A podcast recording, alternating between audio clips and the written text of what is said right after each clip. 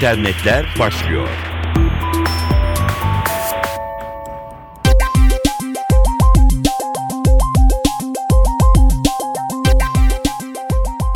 Dijital dünyadan gelişmelerle karşınızdayız. Mikrofonda Dilara Eldaş.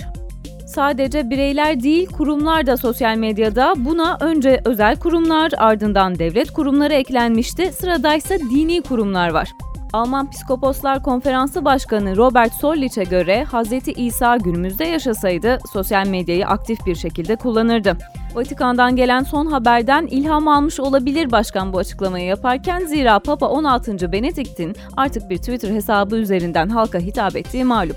Önemli olanın mesajların insanlara iletilmek olduğunu ifade eden Sollich, bunun için her medya aracı uygundur. Pek çok kişi artık sosyal medya ile ilgileniyor, internet ve Twitter kullanıyor dedi. Modern bir eğlence aracı olmaktan öte, sosyal medya normalde hiçbir şekilde ulaşamayacağımız insanlara ulaşmak demek, kiliselerde sosyal medyaya yönelecektir dedi. Fotoğraf düzenleme ve paylaşım ağı Instagram, Türkçe dil hizmetini de sunmaya başladı. Instagram'ı Türkçe kullanmak için iOS ve Android'de yayınlanan yeni sürümleri indirmeniz yeterli. Sadece Türkçe değil, Instagram yeni yayınlanan güncelleme ile birlikte İspanyolca, İtalyanca, Çin ve Fransızcanın da içinde yer aldığı 25 dil seçeneğini kullanıcılara sunuyor. Bunun yanında yeni güncelleme ile Mayfair isimli bir filtre de geldi fotoğraf paylaşım uygulamasına. Instagram hesabı Mayfair filtresiyle düzenlenip yine bu etiketle paylaşılan fotoğraflarınızı biz de en iyiler blog sitemizden yayınlayacağız diyor. Android uygulaması ve hemen ardından gelen Facebook satın alımıyla 2012'nin en göz önündeki teknoloji şirketi haline dönüşen Instagram, son günlerde de Twitter Cards kararı ve değişim kullanım koşulları sözleşmesiyle gündeme gelmişti. Música Tüketici sosyal medya ilişkisi hakkındaki bir araştırmayla devam edelim. Mass Relevance'a ait bir araştırma bu. Katılımcıların %59'u sosyal paylaşım sitelerinde aktif olan ve internet sitelerini bu mecralarla entegre hale getiren markaları daha samimi bulduklarını söylüyorlar. Aynı tüketiciler eğer firmalar sosyal medya kanallarında yer alıyorlarsa onların mesajlarını kendi profillerinde paylaşabileceklerini de belirtiyorlar. Üçte ikisinin ise sosyal medyada gördükleri içerikler doğrultusunda satın alma eğiliminin arttığı belirtiliyor. Yani tüketici olarak sosyal medya kullanıcılarının markalara sempatiyle baktığını söylemek mümkün. Markaların sosyal medya hesabı varsa bu onları internette aranıp da bulunamayan, dijital ortamda iletişime geçilemeyen markalardan daha güvenilir kılıyor. Daha önce de dikkat çektiğimiz bir konu burada da vurgulanıyor. Katılımcıların %56'sı sosyal medyada kendine yer edilen markaların ürünlerini arkadaşlarına tavsiye etme eğiliminde. %75'i sosyal paylaşım sitelerinde markalar hakkında yorumlar yapıp onlarla etkileşime girdiklerini, 63'ü sosyal ağlarda gördükleri pozitif ürün ve yorum tavsiyeleri doğrultusunda o ürünü satın alma veya deneme yoluna gittiklerini ifade ediyor. Elbette markalar için unutulmaması gereken bir kuralı da ekleyelim. Doğru ürün doğru sosyal ağda hesap açmalı.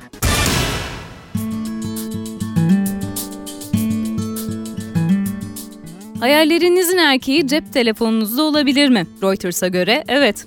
Kadınlar artık kanlı canlı bir erkekle muhatap olmadan seçtikleri Bay Doğru'yla güvenli bir ilişki yaşayabiliyor. Tek gereken bir akıllı telefon ve bir oyun programı.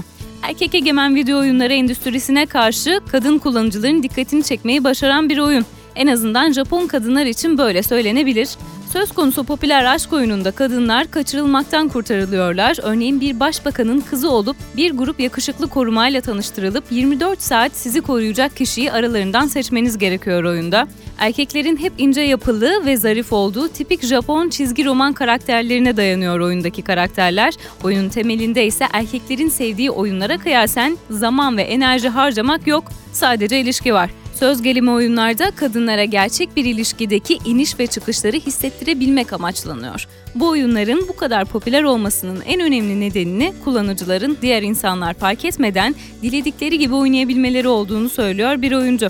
Akıllı telefonlarla oynanabilen bu oyunların en çok 30'lu yaşlardaki çalışan ve erkek arkadaşı bulunmayan kadınlar arasında popüler olduğu belirtiliyor. Yoğun çalışan kadınların gerçek bir ilişkiye zaman ve enerji ayıramadıkları düşüncesinde olduklarına dikkat çekiliyor aşk konulu simülasyon oyunlarının 2012 yılındaki artışları %30'lara dayanıyor.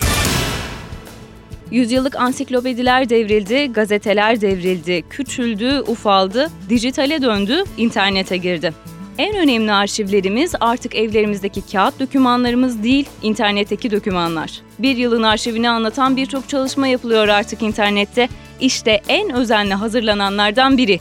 NTV MSNBC gururla sunar efendim. Dijital Almanak 2012 ki 2011 yılında da ilki yayına verilmişti. Bu ikincisi. Koordinatörlüğünü Fazilet Onat üstlendi. 2012 ne çabuk geçti derseniz, Türkiye ve dünya gündeminde neler yaşadık derseniz ve göz atmak isterseniz, teknolojiden sosyal medyaya, siyasi davalardan ekonomideki ilklere kadar 24 petek bu arı kovanı projesinde bilgilerinizi tazeliyor efendim.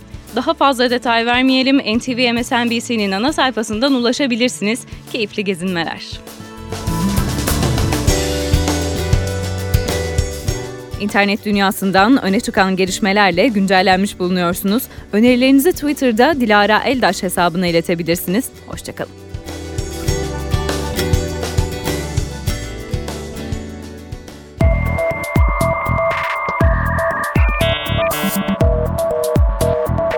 İnternetler sona erdi.